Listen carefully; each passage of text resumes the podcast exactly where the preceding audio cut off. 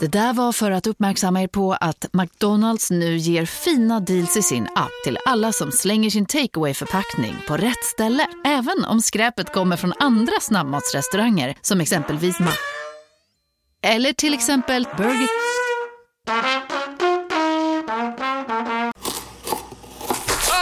Dåliga vibrationer är att skära av sig tummen i köket. Ja! Bra vibrationer är att du har en tumme till och kan scrolla vidare. Få bra vibrationer med Vimla. Mobiloperatören med Sveriges nöjdaste kunder enligt SKI. Välkomna sommaren med att... Res med Stena Line i sommar och gör det mesta av din semester. Ta bilen till Danmark, Tyskland, Lettland, Polen och resten av Europa. Se alla våra destinationer och boka nu på stenaline.se. Välkommen ombord!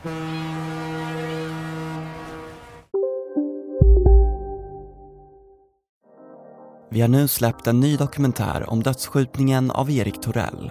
Serien i tre delar finns enbart tillgänglig för dig som prenumererar via Podmi.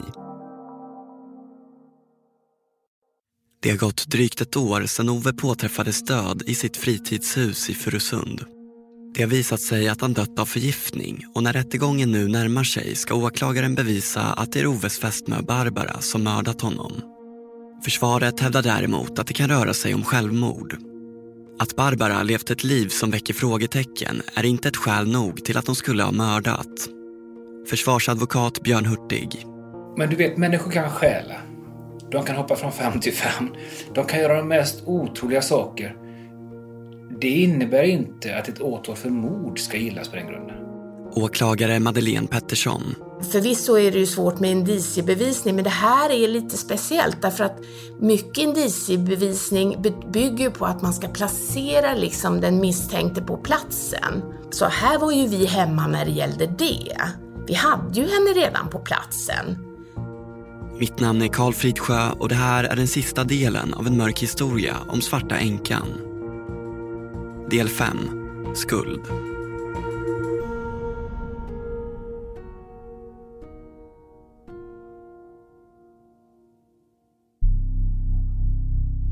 Månaderna innan rättegången startar förbereder åklagare Madeleine Pettersson sitt åtal.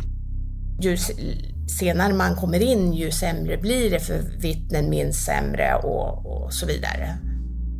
Den avgörande frågan i åtalet är hur Ove har fått i sig cyaniden som lett till hans död.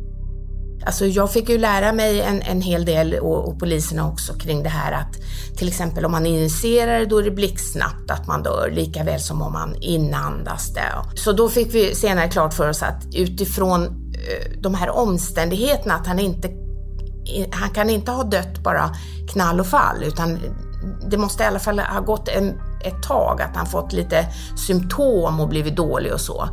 Att det, det måste, han måste ju ha fått det i sig eh, via munnen. Eh, alltså oralt och via mat eller dryck. För, för det, det var den bilden som stämde med händelseförloppet i övrigt. Kanske Jäger som jag sa i pläderingen som ju innehåller mycket smaker i sig. Va? Någonting sånt va. Ove har använt cyanid i sitt arbete och haft tre burkar ståendes i butiken där Barbara ibland jobbat. Så hon visste ju mycket väl vad cyanid var när hon kommer dit. Och så kommer hon till butiken här och så får hon se, ja, cyanid står det. Hon vet ju vad det är. Hon hade ju redan innan ett väldigt intresse för gifter och sådär. Så att, eh, jag menar, och, och, jag menar, han jobbar ju ensam där så att eh, någon gång gick han väl på toaletten och säkert passade hon butiken och eh, han ska springa ett ärende kanske eller så va. Så att hon har inte behövt införskaffa det själv utan hon kunde ju bara pilla ur lite cyanid ur den där burken och, och eh, ta med sig. Så det var ju en indirekt bevisning då som inte, som inte var en av de starkare men ändå. På burkarna finns inga fingeravtryck och eftersom Barbara ändå vistats så mycket i lokalen finns det ingen poäng i att söka efter DNA. Det går inte heller att visa om det är cyanid från just den burken i butiken som Ove fått i sig. Försvarsadvokat Björn Hurtig menar att även om det finns omständigheter som ligger Barbara till last, expojkvännernas anmälningar, lögnerna och de försvunna sakerna, så är inte det bevisning i ett mordåtal. Beskyll mig för hur mycket skit ni vill runt omkring, men jag har inte mördat. Och om ni säger att jag har mördat, tala då om för mig hur jag har gjort. Ja, du kan ha lagt i, en, i ett glas Jäger. Ja, men när fick han det då? Hur passar det in i, tids, i den här tidslinjen? Var någonstans åklagaren? Det vet jag inte, men någon gång har minsann gjort det. Ja. Jäger vet ju vi att han drack långt tidigare. Och om tillståndet är så oerhört snabbt, då, då faller det resonemanget.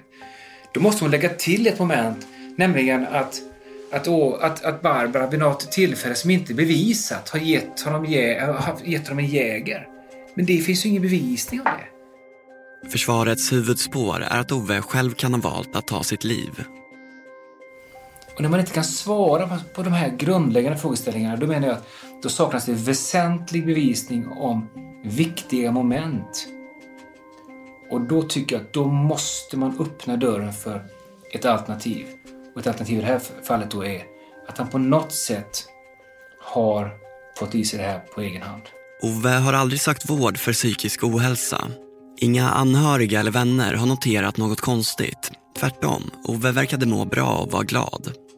Han hade också saker han såg fram emot, inte minst hans barnbarns kommande helgbesök. Slutligen saknas också avskedsbrev och spår av cyanid i sommarhuset där Ove dog.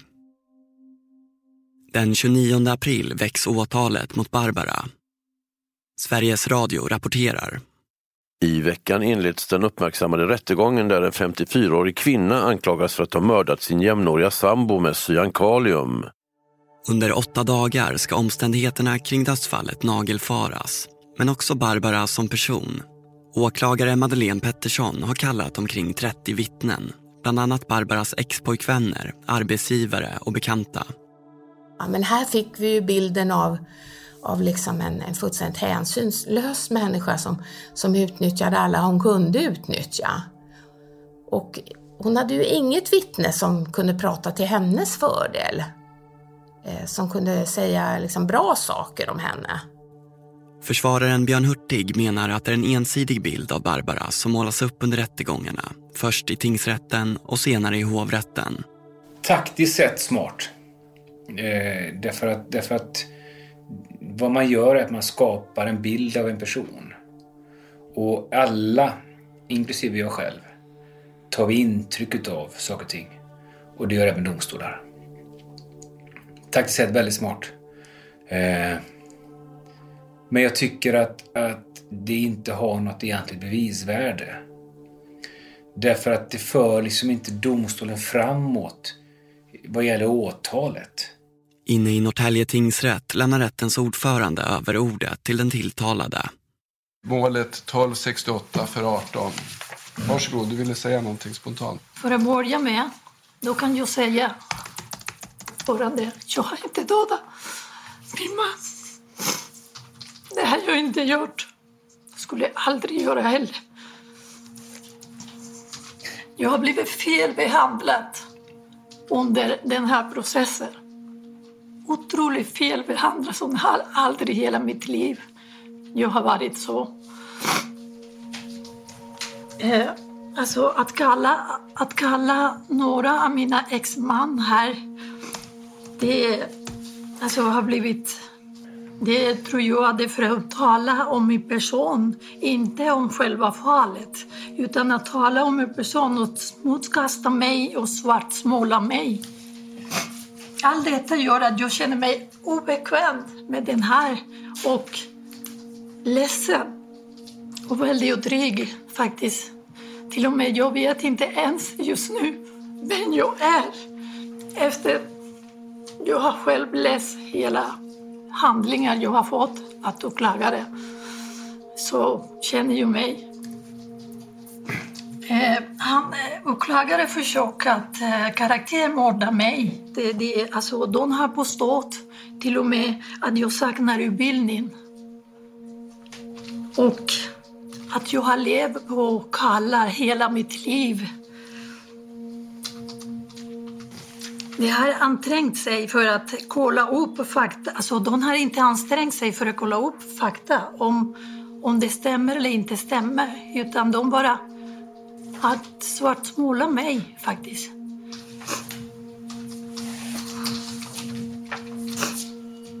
Och det fakta är att jag har, alltså det är bevisat att jag har intyg och allt utbildning jag har.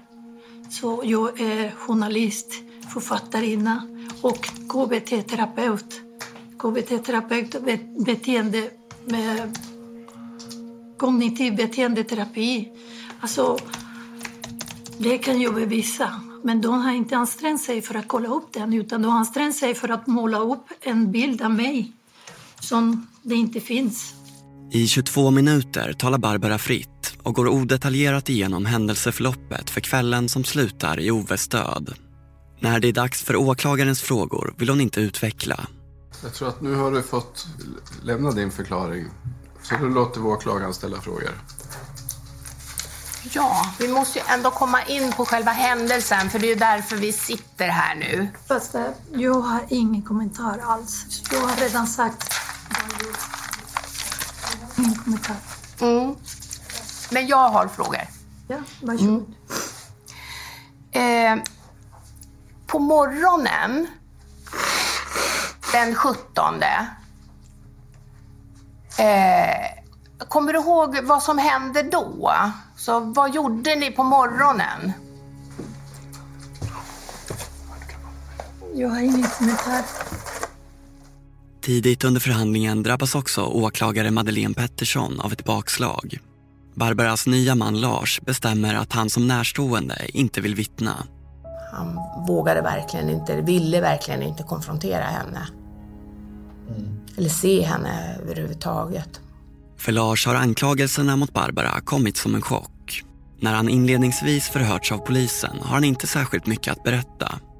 Han är nygift och Barbara har nyligen flyttat in i hans lägenhet. Men, eh, men sen ju mer tiden gick då så, eh, så eh, han lämnade ju in ansökan om skilsmässa så förstod ju han då att han har eh, blivit eh, manipulerad till att eh, föra över pengar till han, ja, det var 60 000 i en post och 70 000 och, och när de bara kände varann, de hade bara umgåtts någon vecka eller två, att han förde över pengar till henne och att hon fick liksom fullmakt att gå in i bankfacket och mm. Så att han, eh, och han var ju en, eh, en, en känslig människa så att han, han ja, tog väldigt, väldigt illa vid sig.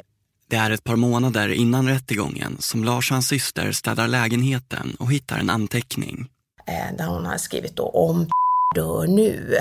Och då har hon räknat ut då hur mycket pengar ungefär hon skulle få. Så den var ju lite chikanerande för henne så att säga. Barbaras advokat har hjälpt Lars 92-åriga mamma att upprätta ett gåvobrev gällande hennes lägenhet. På lappen står en fråga skriven. Och då stod det så här, eh, lägenheten, kan mamma göra någonting åt det? Eh, och, och, då tänkte jag så här att hon räknar tydligen med att ska dö före gamla mamma då. Eftersom hon eh, undrade, kan mamma göra någonting åt det då? För då skulle ju enligt testamentet så skulle hon ärva eh, lägenheten för 19 miljoner, Barbara alltså. Tack vare polisens utredning river Lars upp sitt testamente och avslutar relationen med Barbara.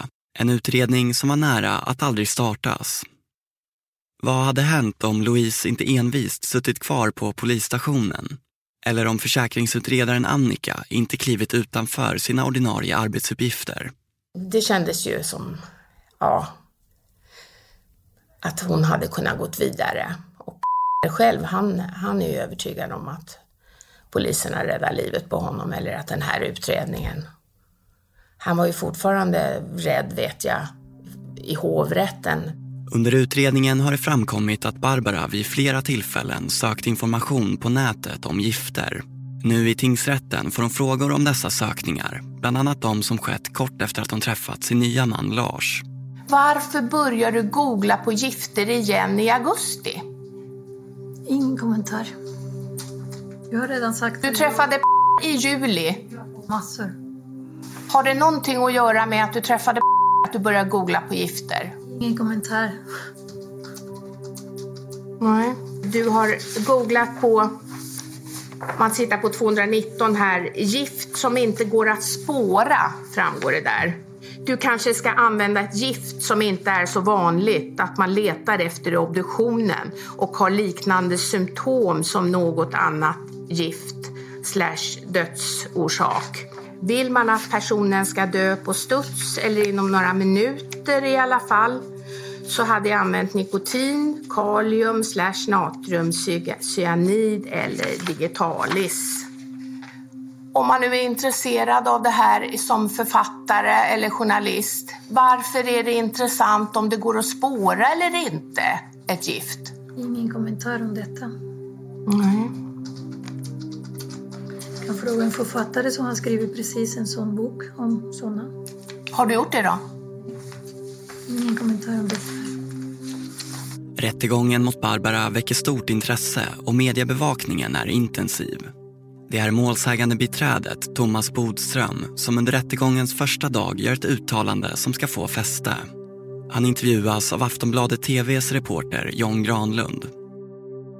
Det är flera ex-partners som ska höras här. Vad ser du för mönster här som, utifrån vad åklagaren menar? Det är en eh, slags form av svarta änkan helt enkelt. Där hon inleder relationer och i det här fallet också dödar. Bodströms uttalande når hela vägen in i den pågående rättsprocessen i Norrtälje.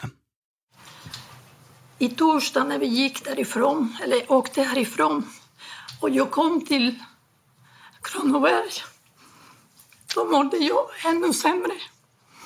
När jag såg nyheter.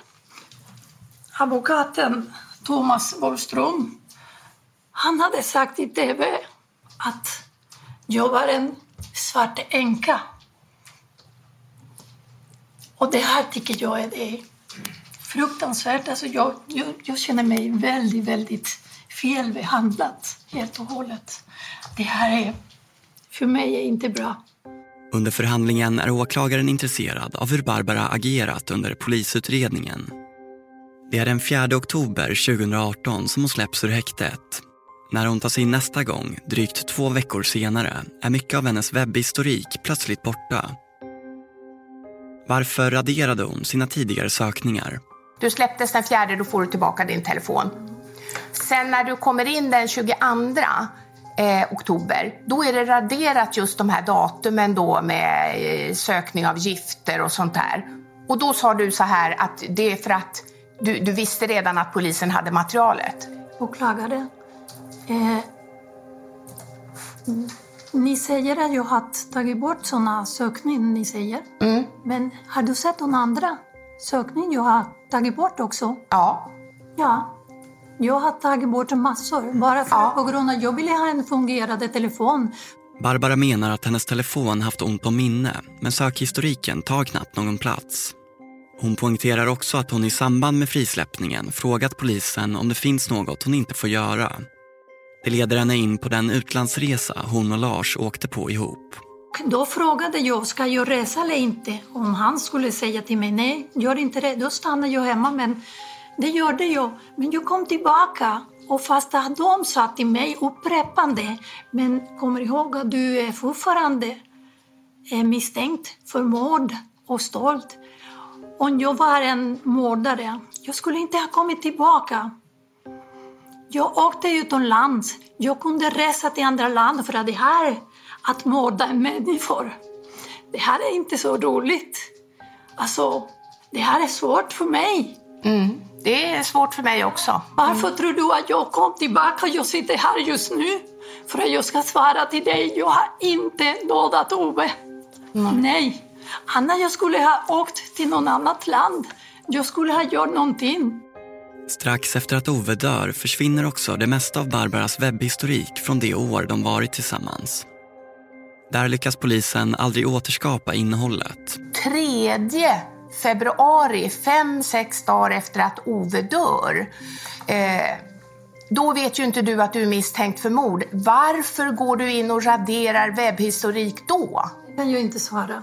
Det kan du inte svara på. På hela den tiden när du har varit tillsammans med Ove, eh, i stort sett hela, april tills han dör, eh, har du sökt på gifter under den tiden? Nej, det har jag inte gjort faktiskt. Varför inte? Varför skulle jag göra det? Du har ju sökt innan och du har ju sökt efter. Skulle jag göra det då? Du gör ju det i ditt journalistskap, i ditt författarskap. Ja, skulle jag göra det då? Ja, varför inte? Ja. Varför Men vet du det? det? Har du, har du glömt eller har du inte glömt? Jag kan inte svara på frågan. Jag vet inte. Nej. Den historik som trots allt funnits kvar visar att Barbara både i nutid och för länge sedan surfat och sökt efter giftrelaterade hemsidor. Men i polisens förhör som hålls innan rättegången påstår Barbara att hon inte förstått att de tre cyanidburkar Ove haft i butiken skulle vara giftiga. Påstår du att du inte visste vad, vad cyanid var för någonting? Ingen kommentar. Polisen kan se att Barbara också besökt en webbutik som heter Sargenta. De säljer produkter för smyckestillverkning och det är därifrån Ove köpt sin cyanid. Jag har inte haft kontakt med företaget. Nej, men har du sökt på deras sidor? Kanske det. Jag vet Kanske det? Mm. Gjorde jag säkert. Ja. Och om det är helt ofarliga sökningar, kan du inte tala om vad du har sökt på då? Nej, ingen kommentar om detta. Det vill du inte? Hade du sett eh, Sargenta-namnet på den där lilla cyanidflaskan? Ingen kommentar om detta. Är det därför du har sökt på, på Sargenta? Ingen kommentar. Jag har aldrig mm. haft kontakt med Sargenta. Så är det. Nej. Men, men, det är ju väldigt viktigt då att vi får veta att man kan rekvirera massa andra saker Sargenta, på Sargenta. Och Barbara, det här är ju din chans. Det är ju din chans nu jag att få berätta. Ja, det är min chans. Och jag gav er, jag gav till eh, utredare alla mina koder för telefonen där ni har fått information. Jag, jag var inte rädd att ni kollade på min telefon för jag visste att jag behövde inte vara rädd. Nej. Jag dödade inte Ove. Frågan om hur Ove fått i sig cyaniden är central i rättegången. Åklagare Madeleine Petterssons teori är att det kan ha skett via dryck. Inte minst eftersom Barbara i ett mejl till sin halvsyster skrivit att drycken förde honom till döden. La bebida lo ilevo alla morte. Ja, ordagrant. Eh, drev honom till döden, men fick honom att dö underförstått kanske. Ja, men alltså dricka eller drickande. La bebida. Ja. Eh, la bebida är drycken. Drycken. Men i den här kontexten här... kanske drickandet eller drickat. Ja, men ordagrant. Drycken. Drycken. Förde honom till döden. Och det här är ju skrivet då 4 eh, och 25.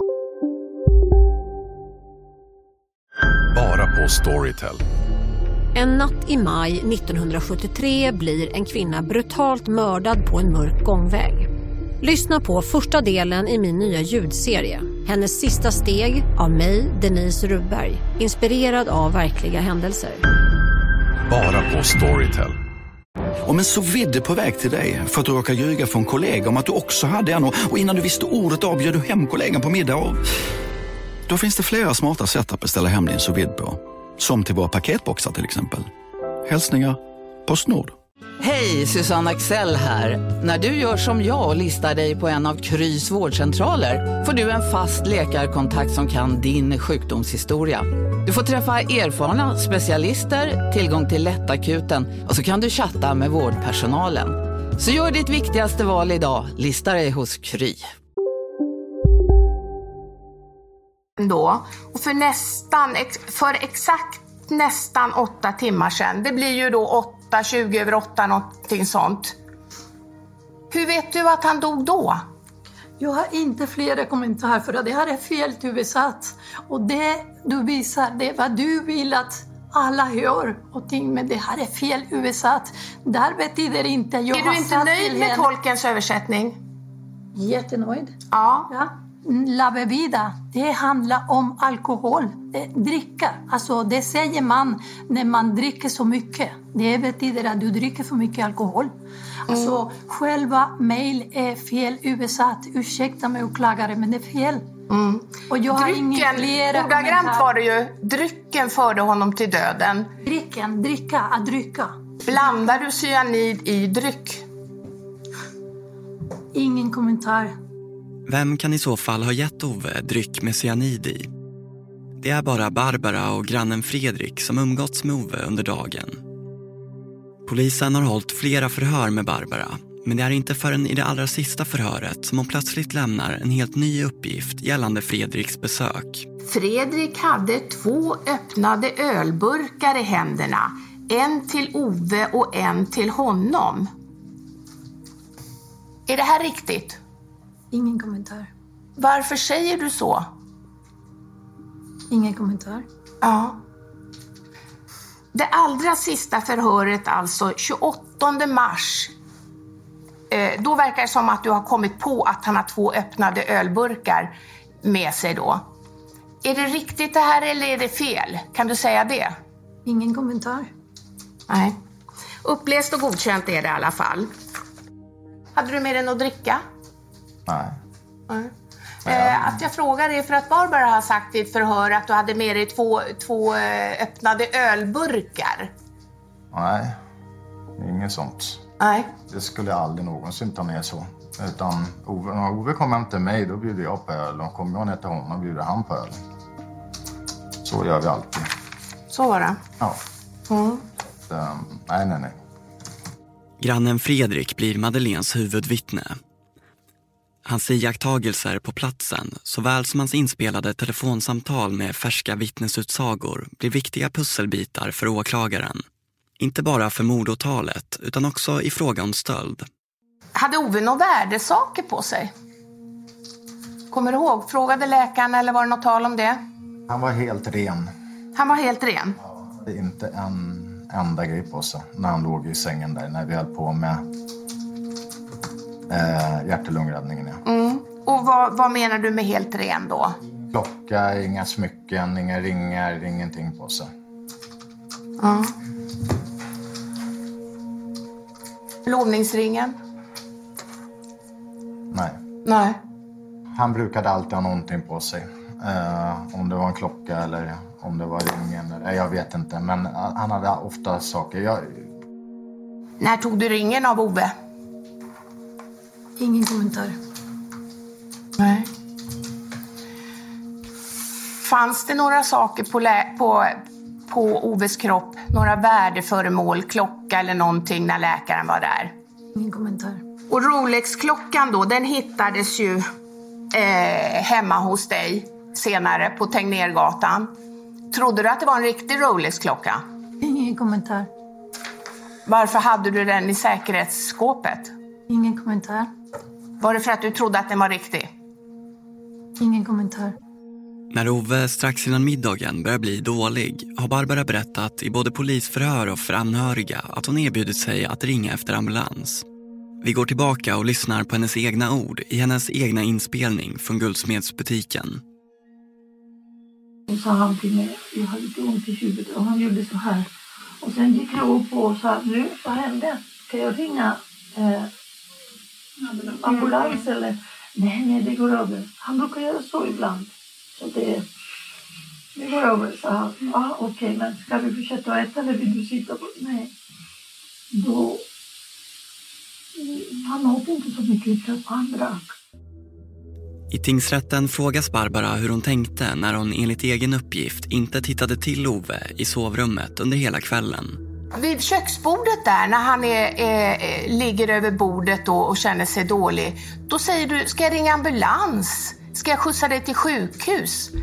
Men sen lämnar du honom med stängd dörr i flera timmar utan att ens titta till honom. Är det verkligen så? Ingen kommentar, åklagare. Har du inte varit där inne och tittat? Ingen kommentar. Nej. Vad är det för film du ser då? Kan du berätta det? Det ska jag ju inte svara på. Nej, det ska du inte svara på. Nej. Det som Louise först reagerat på, att Barbara lämnat Ove i sin egen avföring, får hon nu än en gång förklara. Han skulle lära sig att inte dricka så mycket och det, det visste han. Men kunde han inte vara sjuk? Ingen kommentar just nu. Jag sa det. Men han hade ju aldrig bajsat på sig förut sa du på ljudbandet också, det sa du nu. Hade du ingen tanke på att han kunde vara sjuk? Ingen kommentar om detta. Nej. Mm, och sen så säger du att du... Eh, Du berättade, när du berättade spontant här då, det lilla du sa, så sa du då att eh, när jag skulle gå och lägga mig, eh, då var det ju som det var. Tänkte du verkligen gå och lägga dig bredvid när det finns bajs och så vidare? Ingen kommentar.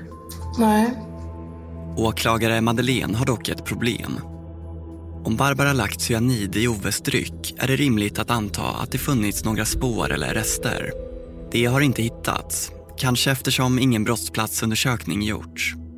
Då hade man ju kunnat leta efter cyanid eller cyanidrester eller eh, någonstans måste ju den påsen med det här ha tagit vägen. Alltså, den kan ju ha eh, slängts ute. Hon gick ju ut där. Eh, larmet kopplades ju av vid 21-tiden. Och då tänker jag, jag vet ju inte vad hon gjorde men man kan ju tänka sig att hon kanske på något vis gjorde sig av med cyaniden där då. Varför eh, stänger du av larmet klockan 21 ungefär på huset? Ingen kommentar. Det har jag ju inte gjort. Du har inte gjort det? Vem har gjort det då? Ingen kommentar. Det står ju klart att det är du som har stängt av larmet för det finns ju ingen annan där. Min fråga är mer varför du gjorde det. Ingen kommentar. Skulle du bära ut någonting? Sopor? Ingen kommentar, åklagare. Det råder inga tvivel om att det finns många besvärande omständigheter för Barbara. Men en fråga har jäckat Madeleine och utredarna ända sedan Louise lämnat in anmälan mot Barbara. Daniel Josefsson som arbetar med utredningen. Vi kände också att vi ville eh, utreda varför. Varför skulle Barbara vilja ta död på Ove om det var nu hon som gjorde det? Det första polisen tittade på var ifall Barbara hade något att tjäna på Oves död. Första tankarna var ifall det var en ekonomisk motiv. Det hade ju inte betalats ut några, några pengar till Barbara efter Oves död så det kändes ju inte heller som att det kanske var det. Oves ekonomi var förhållandevis ansträngd. Guldsmedsbutiken gick runt men inte mycket mer än så. Han hade inget testamente och inte heller någon livförsäkring. Det som finns av värde är ett hyreskontrakt till en kontorslokal som Ove bekostat men som står skriven på Barbaras företag. Barbara har ju själv i vissa sms när hon har försökt eh, överlåta eller sälja den här lokalen privat eller svart har ju uppgett olika summor men det har ju varit åtskilliga hundratusen kronor ibland så det, det är ju ganska mycket pengar som man kanske inte vill ge till någon annan och sådär. Utredningen har visat att Ove i vart fall förväntade sig att få ta del av vinsten. Så det, visst, det skulle kunna vara ett möjligt motiv men jag kan inte säga säkert. Så att eh, någon motivbild hittade vi aldrig riktigt. I Norrtälje tingsrätt kommer åklagare Madeleine Pettersson in på frågan om testamente. Hade ni planer på att skriva testamente? Inga planer att skriva något testament. Vi hade planer men vi har inte pratat om testament. Nej. Vad är det du pratar om hos advokaten då, Thomas Ösbäck? Du säger att eh, min man, vi hade planer nästa vecka, men det blev ju inte så, något sånt. Hur vet hur jag pratade om Ove? Vi ska än en gång återvända till en av Barbaras egna inspelningar och mötet på advokatkontoret med hennes nya man Lars. Det är där Barbara säger något som senare fångar Madeleines intresse. Jag ska svara på din fråga. Det här känns ju rätt. Ja, det är bra. Känns, känns rätt. Men det är ändå om. Ja. Omvälvande, jag förstår. Det tror jag det när jag med min förra man. En vecka innan gjorde vi det. En vecka innan. Jag förstår. Vi har planerat och en vecka efter han. Jag vet. En vecka innan, ja jag förstår, Barbara, vi hade planerat och veckan efter dog han. Vad hade ni planerat att göra veckan efter? Jag har ingen kommentar om detta för att det Du ska inte säga någonting om det här. Nej, det låter ju som att ni har planerat, eh, eller att i alla fall du har, att det något om testamente. Jag menar, varför tar du upp det i det här sammanhanget? Ingen kommentar för att jag vet inte vad jag skulle säga. Precis som poliserna har Madeleine funderat mycket kring Barbaras eventuella motivbild men inte kommit fram till ett entydigt svar. Därför tar hon chansen att fråga vad Barbara egentligen menar i inspelningen. Är det Ove du pratar om där? Om det dog, det, men det kan... Alltså, Min förra man. Men det, kan, det, det betyder, om jag säger planera, vi, kan, vi, har mass, vi har haft massor av planer. Ja, men det är därför jag frågar. Jag säger inte att det kan... Tror ni att det är därför jag har dödat Ove? Jag vet inte vad det här betyder, det är därför jag frågar dig. Jag säger här, det betyder inte. Vad betyder det då? Vad hade ni för planer? Du säger att det, det låter så, det är du som tolkar. Jag, jag kan inte tolka för att jag vet inte. Jag vill inte Kommer kommentera ihåg? mera. Ja, jag kommer inte ihåg den här. Så det... Utfrågningen av Barbara går fort och rättegången fortsätter in på andra delar av bevisningen.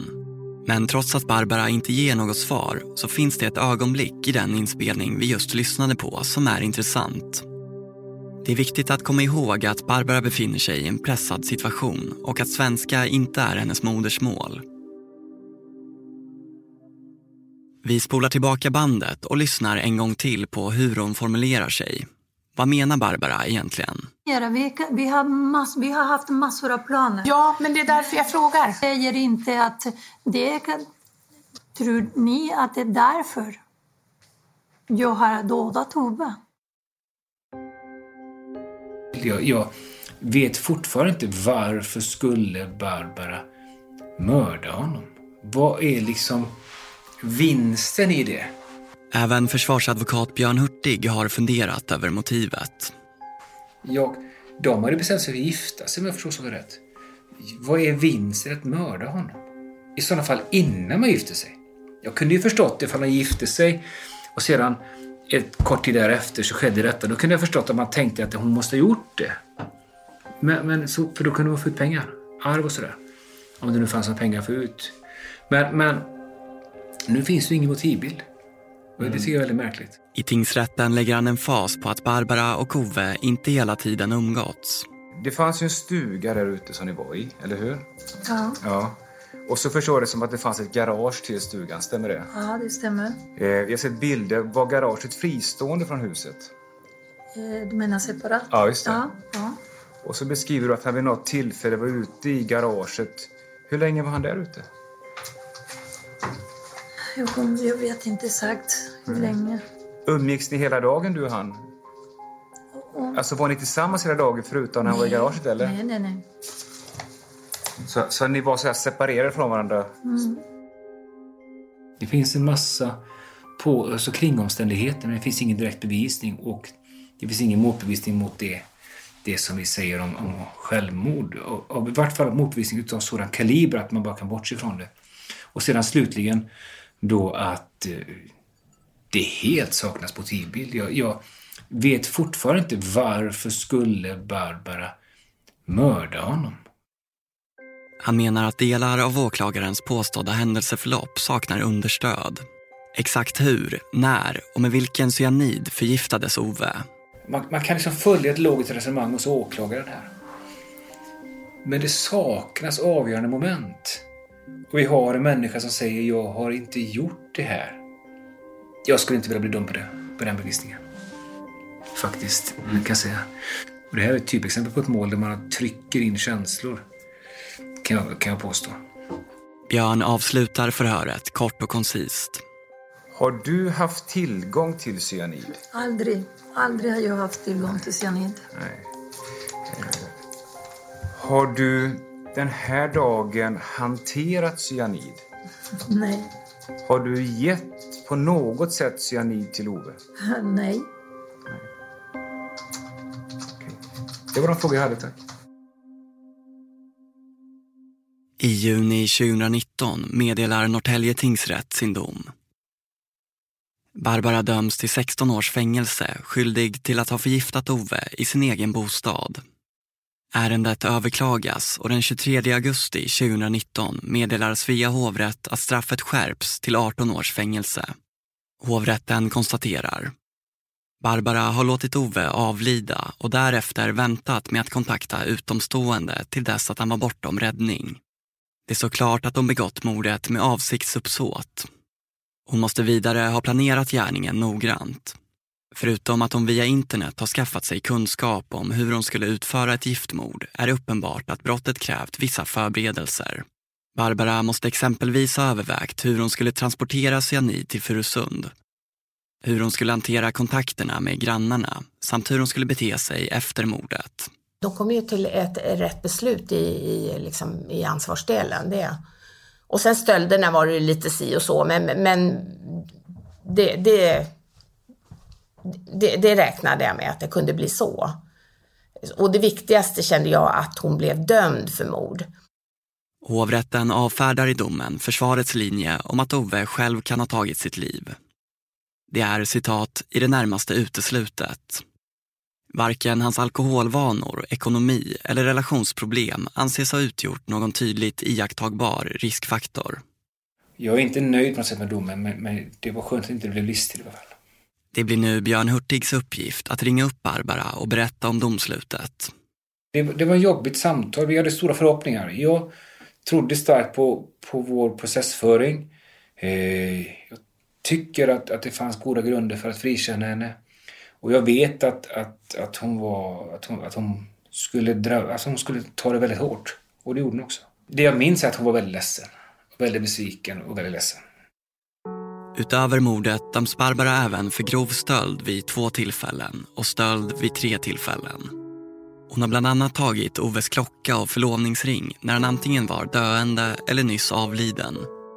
Under mötet med familjen i guldsmedsbutiken plockar Barbara på sig sex värdefulla pennor och en klocka. De tavlor som Louise vuxit upp med och som saknades i huset i Furusund återfinns i Barbaras lokal. Hon döms också för att ha stulit Oves telefon trots att den än idag är försvunnen. Det tog ett och ett halvt år innan historien kring Oves död skrevs om och många frågor tycks ha fått sin förklaring. Men än idag frågar sig Madeleine Pettersson varför mördades Ove? Men det fanns ju ingen stor livförsäkring eller någon, något... Eh, hon tjänade ju inte speciellt mycket på det här. Låt vara att hon, att hon eh, hade stulit från honom i efterhand, men hon hade ju stulit från alla andra karlar också. Det är klart att det, det finns ett varför, men, men i väldigt många fall så får, får man ju aldrig reda på det. Det kan ju till exempel vara eh, eh, en, sjuklig hjärna, att man, är, att man har funderat så mycket över det här med gifter och så att man till slut inte kan låta bli att göra det. Att man har någon sån skruv eh. Jag menar, det, sånt, sånt får man ju aldrig reda på.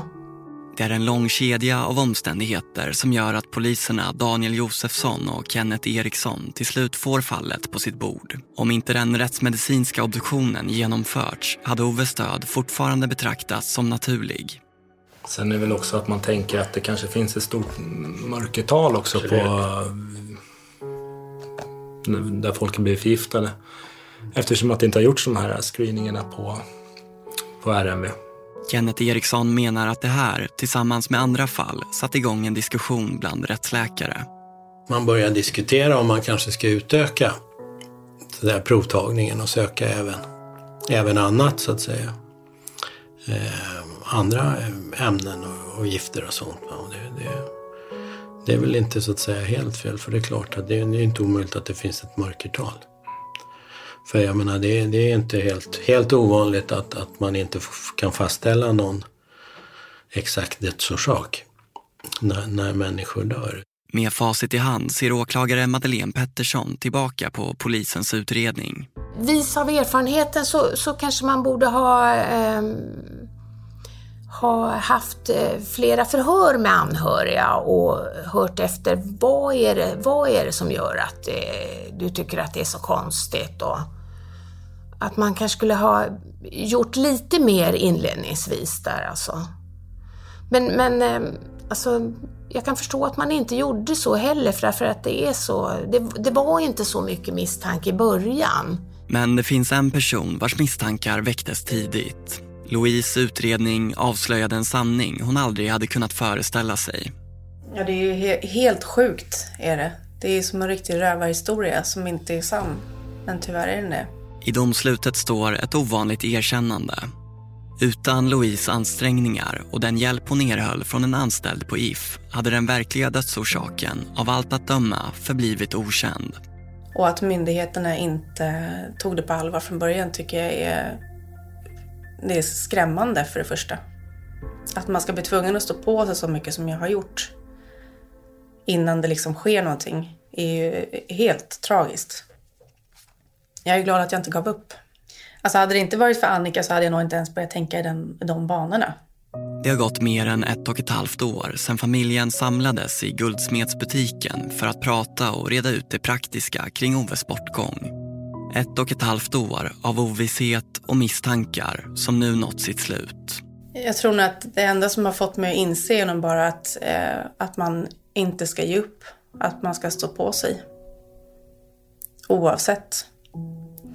Eh, och ha lite jävlar anamma tror jag. Så är det. Du har lyssnat på en mörk historia om Svarta änkan. Del 5 av 5. Svarta änkan är en produktion från Just Stories. Producerat av Joel Silberstein Hont och av mig, Karl Fridsjö. Klippning och ljudläggning, Underton. Tack för att du lyssnat.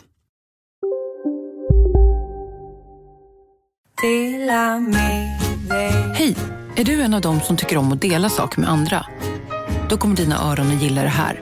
Hos Telenor kan man dela mobilabonnemang. Ju fler ni är, desto billigare blir det. Skaffa Telenor familj med upp till sju extra användare. Välkommen till någon av Telenors butiker eller telenor.se. Demideck presenterar Fasadcharader.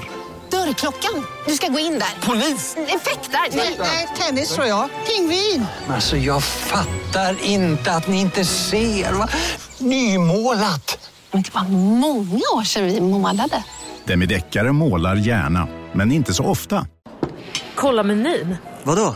Kan det stämma? 12 köttbullar med mos för 32 spänn. Mm. Otroligt! Då får det bli efterrätt också. Lätt! Onsdagar är happy days på IKEA. Fram till 31 maj äter du som är eller blir IKEA Family-medlem alla varmrätter till halva priset. Vi ses i restaurangen på IKEA.